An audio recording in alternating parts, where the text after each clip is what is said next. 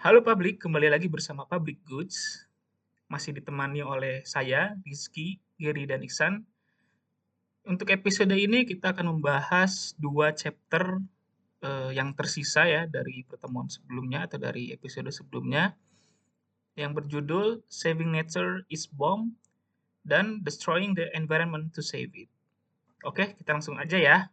Lanjut ke chapter 8 ya. Ini uh, mulai dari sini itu lebih menjelaskan kenapa pembangkit listrik tenaga nuklir ini dilompatin gitu aja. Padahal menurut uh, penulis ini ya, pembangkit listrik tenaga nuklir itu adalah salah satu pembangkit listrik yang ramah lingkungan. Nah, cuman ada kontroversi juga di balik. Di chapter 8 ini judulnya adalah Saving Nature is Bomb. Pembangkit listrik tenaga nuklir ini dikaitkan dulu pertama di dampak tsunami di Jepang di Fukushima itu kan. Di situ ada pembangkit nuklir di daerah eh, Fukushima Daiichi itu di pantai timur Jepang yang terkena dampak tsunami sehingga uh, mengalami kerusakan dan ada kebocoran seperti itu. Isu-isu itu kan udah sering ya yang namanya kalau misalnya pembangkit listrik tenaga nuklir yang rusak itu pasti akan menyebabkan pencemaran radiasi yang luar biasa lah sampai ada yang bisa menyebabkan kematian gitu kan penyakit eh, atau bahkan mutasi genetik lah uh, di hmm. area sekitar itu nggak hanya berdampak kepada manusia tapi juga kepada hewan dan tumbuhan.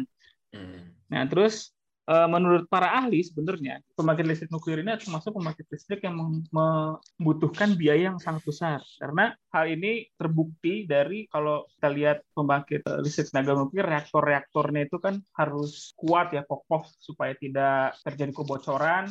Kemudian teknologi yang digunakan juga yang mutakhir lah ya. Kemudian uraniumnya itu sendiri juga itu kan mahal. Bahkan uh, di Jepang itu untuk proses memperkuat atau mengamankannya itu diperkirakan untuk membangun safety-nya itu supaya terhindar dari kecelakaan nuklir itu itu menghabiskan sampai 35 triliun yen sampai 81 triliun yen. Itu mahal banget atau. Anjir itu ya. kalau dirupiahin berapa? Iya, karena hal itu negara-negara maju itu udah mulai banyak mengurangi uh, penggunaan uh, energi nuklir. Nah, tapi ada fakta menarik juga dari uh, pembangkit listrik tenaga nuklir itu. Ini menurut Gary Thomas ya, Gary Thomas itu tuh seorang pakar radiasi dan kesehatan, hmm. khususnya dia tuh berfokus pada uh, kecelakaan nuklir yang pernah terjadi Fukushima dan Chernobyl. Dia tuh ngomong gini, perubahan uh, kondisi tubuh yang berubah karena radiasi itu dibutuhkan paparan radiasi dari nuklir itu yang sangat besar. Uh, dan menurut dia, nuklir itu adalah uh, pembangkit listrik yang paling aman, bahkan yang paling handal untuk menghasilkan listrik. Faktanya nuklir telah menyelamatkan ya 2 juta orang lebih. Kenapa dia ngomong kayak gitu? Karena dampak yang ditimbulkannya itu jauh lebih besar kalau menggunakan pembangkit listrik tenaga batu bara. Pasca saat itu juga akhirnya kita ambil dari Prancis dan Jerman. Nah, Prancis dan Jerman Prancis dan Jerman ini tuh kalau di di chapter 8 ini tuh dia mengatakan Prancis itu mengalahkan Jerman dalam hal penggunaan listrik dan juga biaya yang dikeluarkan untuk listrik itu sendiri. Kenapa? Karena sekarang nih Prancis itu sudah mulai mengaktifkan beberapa reaktor nuklirnya lagi dibandingkan Jerman. Sedangkan Jerman eh, reaktor nuklirnya dikurangin, dia berusaha menutup kekurangan listrik itu menggunakan energi terbarukan. Pasalnya, masalahnya itu energi terbarukan ini tuh justru malah mengkonsumsi banyak biaya. Dan kalau nggak salah, kenaikan biaya di listrik di Jerman itu kalau nggak salah di, di, di, di bukunya itu bisa meningkat sampai 40 persenan lebih lah. Nah, sebenarnya menarik tuh bang energi nuklir itu ya. Kalau yang gue tahu nih sebagai masyarakat awam gitu kan, sebenarnya kita itu kan sering ditakut-takutin ya, bukan ditakut-takutin ya, mungkin karena kita kurang informasi ya tentang bagaimana sih eh, reaktor nuklir ini bekerja gitu kan. Kalau emang si Gary Thomas ini bilang bahwa nuklir ini merupakan eh, penghasil listrik density-nya yang paling efisien gitu kan dan memang emisinya juga kecil gitu kan dalam artian dia menceritakan tuh bagaimana limbah ya limbah, limbah. dari si nuklir ini gitu kan nah kalau kita tentang uranium yang keringnya itu ya tentang uranium yang udah habis lah gitu energinya. Uranium yang udah habis energinya dia apa namanya bungkus gitu ya pakai di peti besi. Ya peti besi kayak gitu kan. Terus dia taruh di tanah gitu kan nah itu kan zero emission kali ya kalau kayak gitu kan Iya, menurut Iya. ya kalau ya si Gary juga termasuk bilang yang mengatakan hal itu gitu bahwa dan dan ketakutan kita itu sebenarnya lebih mengarah kepada kalau yang namanya nuklir itu diidenti, diidentikan dengan bom nuklir itu sendiri, Ger. Jadi Oh. orang tuh takut yang namanya tadi itu yang batang bekas uranium itu ketika udah dimasukin terus dikubur dalam tanah suatu ketika tuh bisa meledak. Hmm. Tapi emang eh, untuk menginvestasikan eh, nuklir itu sendiri sebagai pembangkit listrik atau sumber energi dibandingkan dengan sumber daya energi yang terbarukan itu lebih mahal ya nuklir itu ya investasinya. Mungkin kalau tadi kan Bang Ruben eh, bilangnya secara cost mungkin memang lebih murah gitu, tapi secara investasi Kalau secara investasi, jadi gini, eh, secara investasi awal memang segala suatu hal pasti lebih besar eh, dari nuklir. Tapi dibandingkan dengan hasil yang dihasilkan, listrik yang dihasilkan, dan secara jangka panjang, secara cost hitung-hitungannya, itu lebih murah dibanding Oh. energi terbarukan. Energi terbarukan itu mahal juga. Kedua, energi watt yang dihasilkannya juga nggak sebesar nuklir, dan nggak bisa juga untuk menghidupi kebutuhan manusia saat ini. Ibaratnya si penulis ini tuh dia cerita juga ya. Eh, Hmm. dia dia menggunakan energi terbarukan eh, dari Tesla itu yang Elon Musk itu kan menggunakan tata surya itu buat Hmm. eh, kebutuhan sehari-harinya aja. Tesla itu aja hanya bisa mencukupi setengah hari. waduh Iya, Berarti dan modal. sisanya itu iya, justru malah itu sisanya- kayak gitu lebih berat di modal ya. Iya, dan itu sisanya energinya, energi berikutnya itu disupport dari yaitu diesel. Nah, yang gua baca gitu bang, ternyata si Gary Thomas ini juga adalah mahasiswa kedokteran. Nah, kenapa dia bisa mengatakan kena 200 menyelamatkan 200 juta jiwa itu? Jadi gini, katanya dia itu di dalam praktek dokternya itu eh, apa di School of Medicine-nya itu dia masuk ke kamar eh, mayat gitu kan untuk mengautopsi eh, seorang jenazah yang sudah meninggal tuh. Jadi pas dia praktek dia belek tuh katanya paru-parunya kan. Pas dia belek paru-parunya keluar kayak asap hitam gitu. Nah, pas gua baca oh anjir nih jangan-jangan rokok nih gitu kan. ternyata kata si gurunya kata si dosennya si Gary Thomas ini bukan itu bukan rokok itu air pollution katanya. Polusi udara. Ah, anjir gua di situ langsung oh berarti bukan rokok langsung gitu. itu bisa sampai begitu gitu kan dampak dari Iya. air pollution ini gitu kan apalagi nih sekarang kan gue tinggal di Cikarang itu ya yang emang apa Oh, ya apa, benar. tuh. Hmm. industri itu kan tuh kerasa banget tuh bang apa, setiap pagi tuh gue eh, nganter istri ke tempat kerjanya kan terus balik lagi ke rumah tuh pas buka masker tuh di tenggorokan itu udah ada kayak dahak gitu loh Gue merhatiin loh, Gir, kalau gue jalan lewat Cikarang atau apa ya, misalnya mau arah Bandung dan lain-lain. Gue tuh termasuk merhatiin karena udah ada tol di atas ya. Jadi kebanyakan gue lihat di daerah-daerah lu itu asapnya, asap hitam terutama yang gue lihat keluarnya itu pada saat subuh sama sore.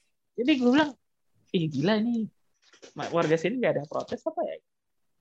ya itulah bang kalau mau protes pun ya gimana kali ya bukan bukan apa mungkin mereka apa kurang aware juga sih kalau kata gua Ayo lanjut lagi bang gimana? Ya Bang? lanjut ya.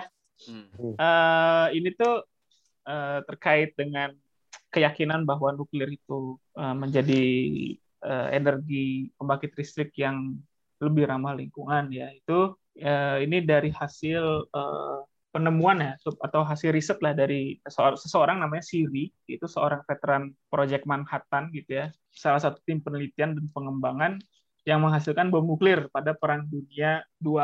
Jadi dia seorang ahli biofisika yang memahami risiko kesehatan akibat pembangkit listrik tenaga eh, batu bara versus tenaga nuklir. Oh, Nah, dia itu mengatakan bahwa eh, tenaga nuklir itu merupakan sebuah harapan jangka panjang, jangka panjang utama untuk listrik dan juga Hmm. termasuk konservasi.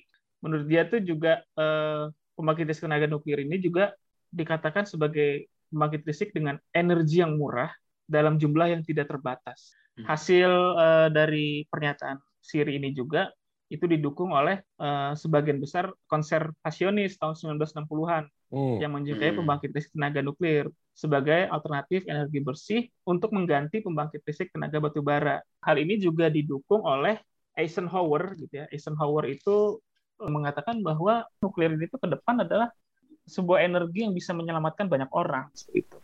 Eh, pernyataan dia itu sering diberikan judul sebagai atom untuk perdamaian. Oh, atom for peace.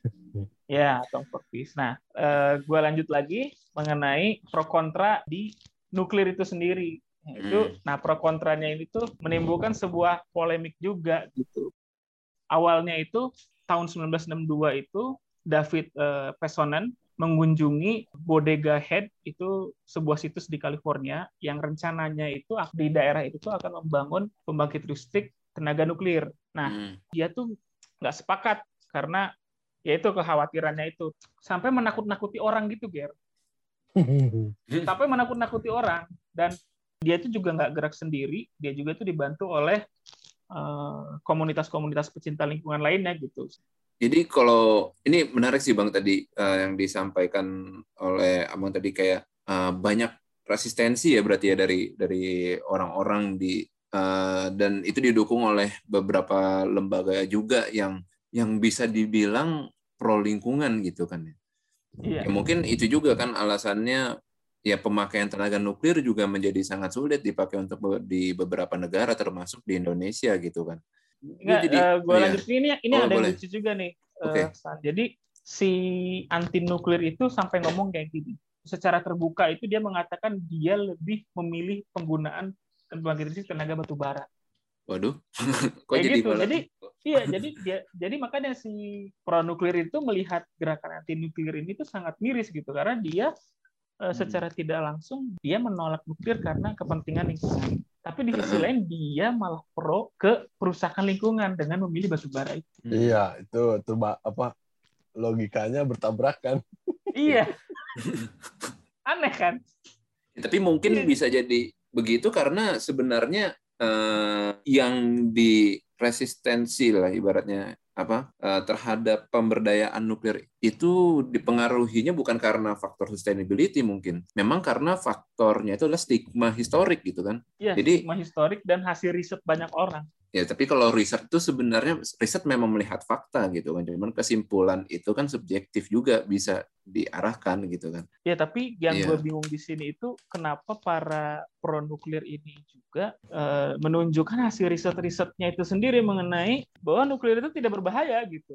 Menurut gua, Bang, itu benar tuh gua setuju senada sama abangnya. Jadi emang uh, kalau titik poinnya kali edukasi ya, Bang ya ngasih hmm. tahu gitu kan ke orang-orang itu bagaimana sih uh, sebenarnya penggunaan nuklir ini dalam artian safety-nya bagaimana, kemudian energi yang dihasilkannya lebih besar berapa kali dari energi fosil. Nah, hal-hal seperti itu sih yang harusnya memang disampaikan gitu ya kepada masyarakat itu.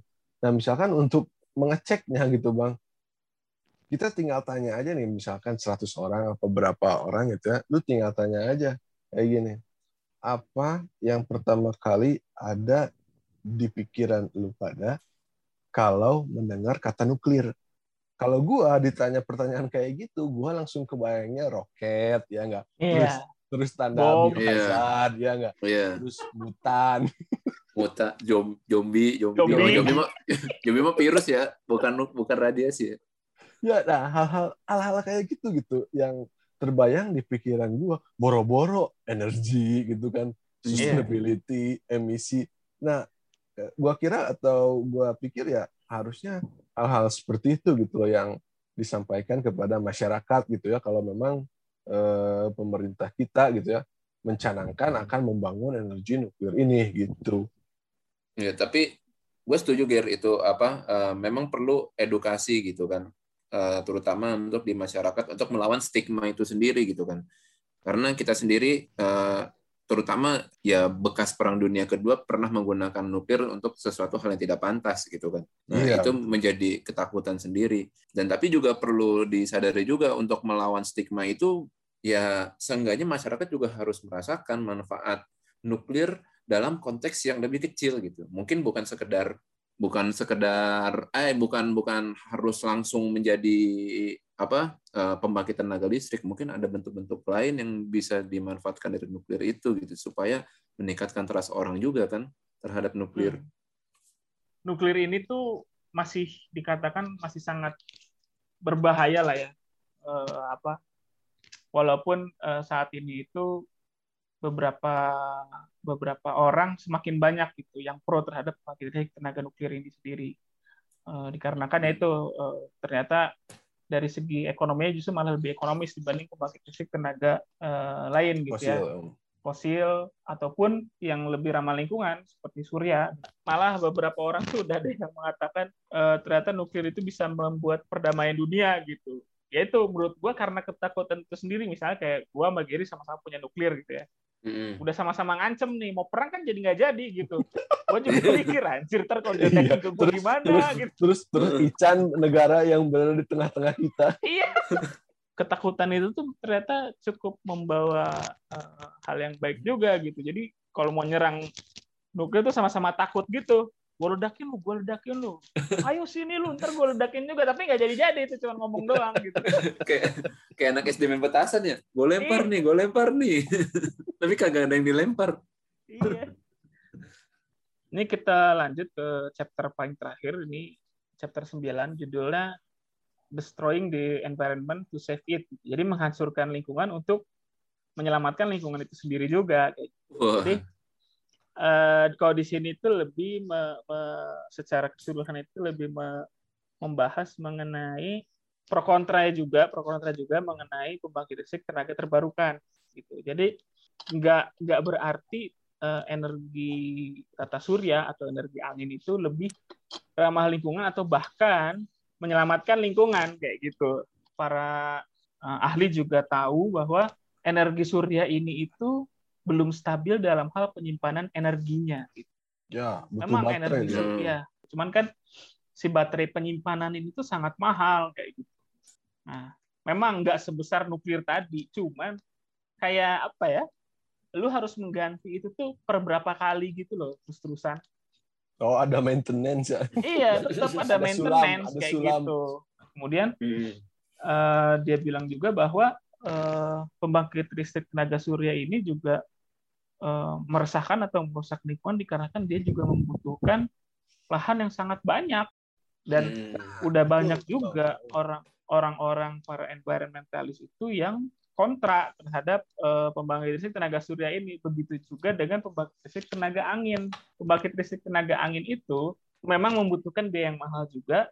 Dan kita pikir juga gue dulu mikirnya pembangkit listrik tenaga ini karena itu cuma kincir ya. Paling apa dampaknya ke lingkungan ya? Ternyata dampak lingkungannya itu adalah mengurangi populasi jenis-jenis burung tertentu, terus khususnya burung yang bermigrasi ataupun kelelawar ataupun serangga. Kayak gitu. Menurut lo gimana, Gersan? Nah, kalau gua, Bang, gua pernah tuh kuliah umum sama profesor dari Korea tuh dulu. Jadi dia bilang emang seperti itu, Bang. Di Korea itu, di Korea Selatan, eh, lagi gencar-gencarnya protes terhadap solar energy dikarenakan hmm. solar panel itu hmm.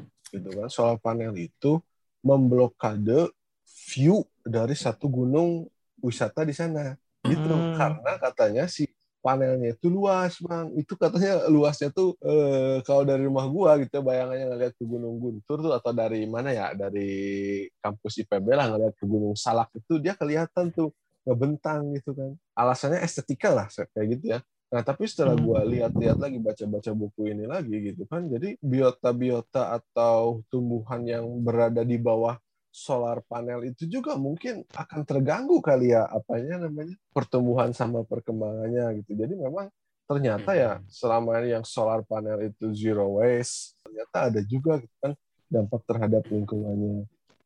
Hmm. Kalau menurut gue sih gitu. Kalau menurut lu gimana, Chan?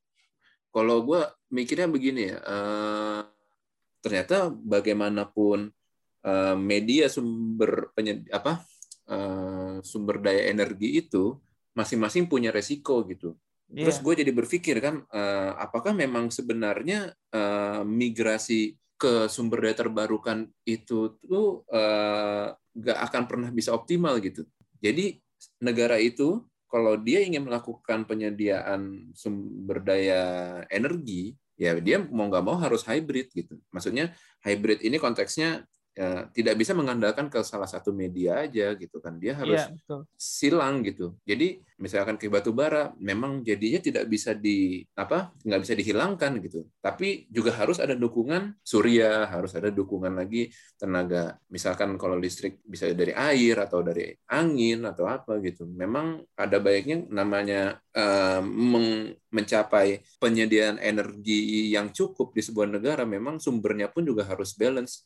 Gimana? Setuju sih gue. Tapi ini ada yang lucu nih. Jadi kan eh, mengenai kontroversi apa pembangkit listrik tenaga angin ini dan tata surya kan di negara di luar sana kan udah udah dari lama ya kira dari Iya. Bahkan dari 2010-an itu udah mulai banyak tuh pemikiran-pemikiran dan mulai di 2000 kalau di buku ini mulai di 2015 banget lah yang banyak yang protes kayak gitu. Cuman yang gue lucu ini di statement ini dia bilang pada akhirnya saat itu mengenai pembahasan pembangkit listrik tenaga angin ya secara global ya 2018 itu adalah tahun pertama sejak 2001 pertumbuhan energi terbarukan gagal meningkat karena nggak sesuai harapan dengan apa yang dihasilkan. Karena banyak yang pesimis ekspansi energi terbarukan ini apabila dilanjutkan itu secara alasan fisik dan lingkungan dan ekonomi itu nggak reliable karena biayanya lebih mahal, lingkungan juga tetap aja butuh lahan yang besar gitu kan. Kan dia bilang 2018 itu tahun pertama dimulai dari Hmm. tahun 2001 titik di 2018 itu bahwa energi terbarukan gagal meningkat kan ya. Makanya diberhentikan setelah itu kan di negara-negara luar. Sepakat kan Hmm. gitu ya kesimpulannya kan gitu. Tapi yang gue lucu Ger, di negara kita Ger, San, itu 2018 titik awal diresmikannya pembangkit listrik tenaga angin. Nyo- na- namanya nyoba nyom. Ah, iya kak. Ya, Buat ra, bukan, buat cuy. rakyat kok coba-coba. Sebagai Hati loh, tukang iya, Kayak kayaknya sih itu prank deh, kayak itu prank. Nah, kalau gua menanggapi nih Bang, tadi kan I- Ican tuh apa namanya bilang ya kita nggak bisa mengandalkan dari satu sumber energi aja gitu kan. Ya mungkin kita kan juga tahu kalau di SDM itu ada namanya energy mix ya iya, atau bauran energi itu. Jadi setiap tahunnya gitu, kayak yang gua tahu ya, jadi setiap tahunnya itu atau per lima tahun kita itu ada target untuk transisi perubahan energi, Chan Bang. Jadi nih setiap lima tahun sekali kita ada target baru gitu kan menyesuaikan dengan apa yang eh, kita pakai energinya gitu. Nah di tahun 2025 gitu bang, ini ditargetkan nih energi terbarukan itu harus bisa mencapai 23 persen. Sedangkan pada tahun 2020 nih tahun kemarin ya 2020 kita Iya. itu baru mencapai 11 persen. Berarti kan harus double tuh. Harus kita harus istilahnya mendabelkan keadaan sekarang kan supaya Iya. mencapai energi eh, target energi mix tadi gitu kan.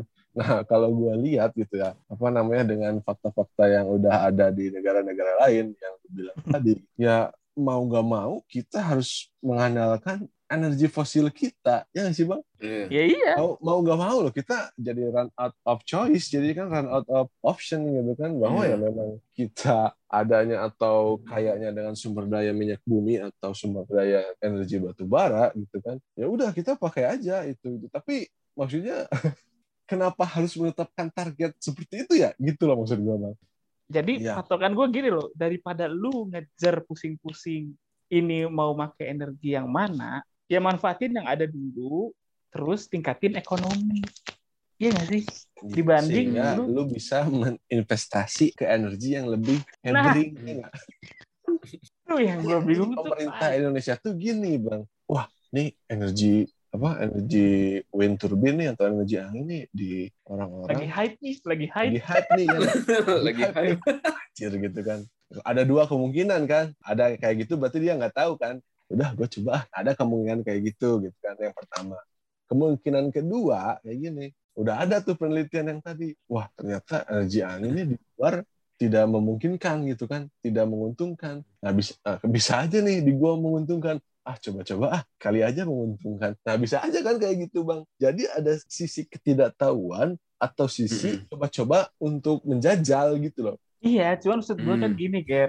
Ya, nggak harus Hmm. dicoba juga kali. Ibaratnya, ibaratnya di di luar sana itu dari 2001, Ger. Masa lu tutup mata dengan apa yang udah mereka lakukan dari 2001 sampai 2018. Iya, ini ini menurut gue nih fakta menarik nih, karena gue nggak tahu ternyata di luar sana tuh begini gitu. Iya itulah, entah kita emang tertinggal hmm. gitu ya teknologinya apa gimana gitu ya. Ya kalau gue kayak mencontoh inilah apa kalau misalkan kita lihat KRL kita sekarang itu kan KRL warisan Jepang kali ya. Iya, iya karena beli hibah, dari ini ya. Hibah dari pemerintah Jepang kan ya dalam artian hibah apa sendiri, limbah? ya hati-hati loh Chan. Enggak tadi enggak enggak denger, enggak denger. Oh, hibah, oh, hibah. Hibah, ya, oh. bukan limbah, hibah. ya gitu kalau kita lihat teknologi wind turbine tadi ya mungkin itu hal yang baru gitu buat kita bahkan harus kita coba nih gitu karena mungkin telatnya transfer informasi sama transfer teknologi itu gitu ya itu benar dari buku ini bahwa yang namanya transisi energi itu sangat ditentukan juga oleh politik gitu dah Oh iya betul. Di, ya, di luar negeri itu ya. Tapi menurut, menurut lu gimana Chan, memandang memandang energi ini Chan, memandang transisi energi terbarukan ini? Emang gua tuh dulu sempet bikin paper tuh zaman zaman kuliah tuh. Jadi emang pengen ngebahas paper itu sebenarnya bukan paper terkait lingkungan gitu. Jadi waktu itu bikin paper terkait uh, sistem thinking. Jadi cara hmm. berpikir sistemik gitu kan. Nah, gue mengambil topiknya contohnya lah energi gitu kan. Tapi hmm. di sana ketika dalam menyusun paper itu gue menemukan banyak uh, ibaratnya insight-insight lah.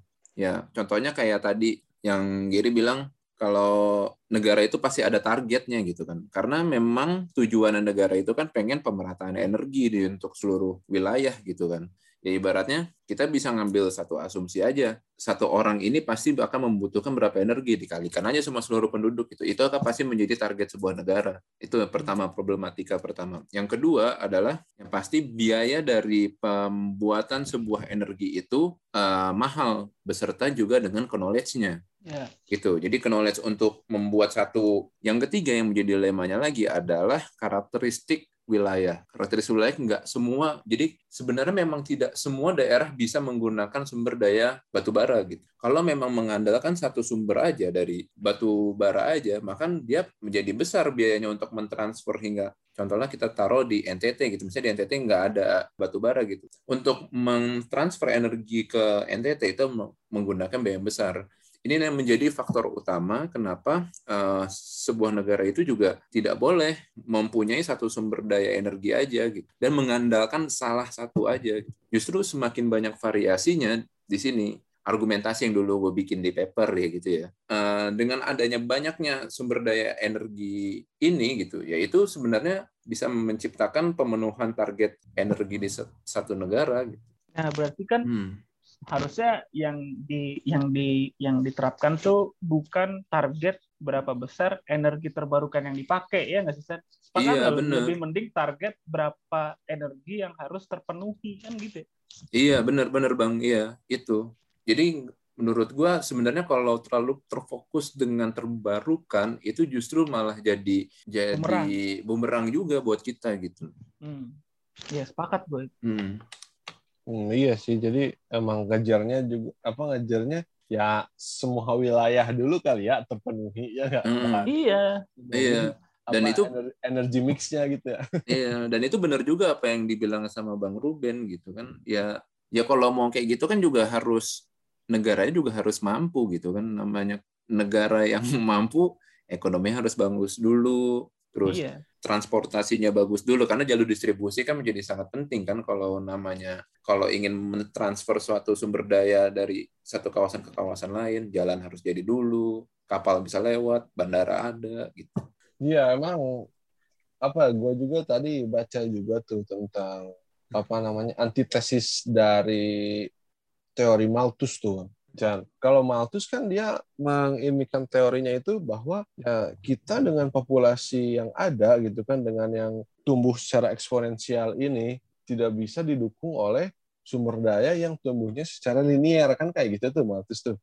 Hmm. Nah, dilawannya itu adalah dengan teori cornucopian ini. Nah, di cornucopian hmm. sini dia bilang kita bisa survive gitu kan apa namanya populasi ini bisa survive dengan hanya sumber daya yang bertumbuh eh, dengan linier gitu dengan rekayasa-rekayasa teknologi, kemudian rekayasa ekonomi, dan fokusnya itu kepada pertumbuhan si GDP dari setiap negara itu gitu. Jadi ini kalau Hmm. menurut gua gitu kan si penulis ini si Michael Schellenberger ini cenderung sisinya itu ke cornucopians ini di mana Hmm. bahwa peningkatan kesejahteraan itulah yang akan menyelamatkan si populasi itu sendiri dengan inovasi, dengan teknologi, dengan kebijakan-kebijakan yang mendukung itu semua gitu. Ya, itu biar jadi mashab lagi ya. Dia. Aduh. Ya udah mungkin kita tutup aja kali ya Bang ya, Chan ya? Oke, Oke. kita Wah. cukupkan sampai sini aja. Saya ucapkan terima kasih. Kita tutup. Wassalamualaikum warahmatullahi wabarakatuh. Waalaikumsalam Waalaikumsalam warahmatullahi wabarakatuh.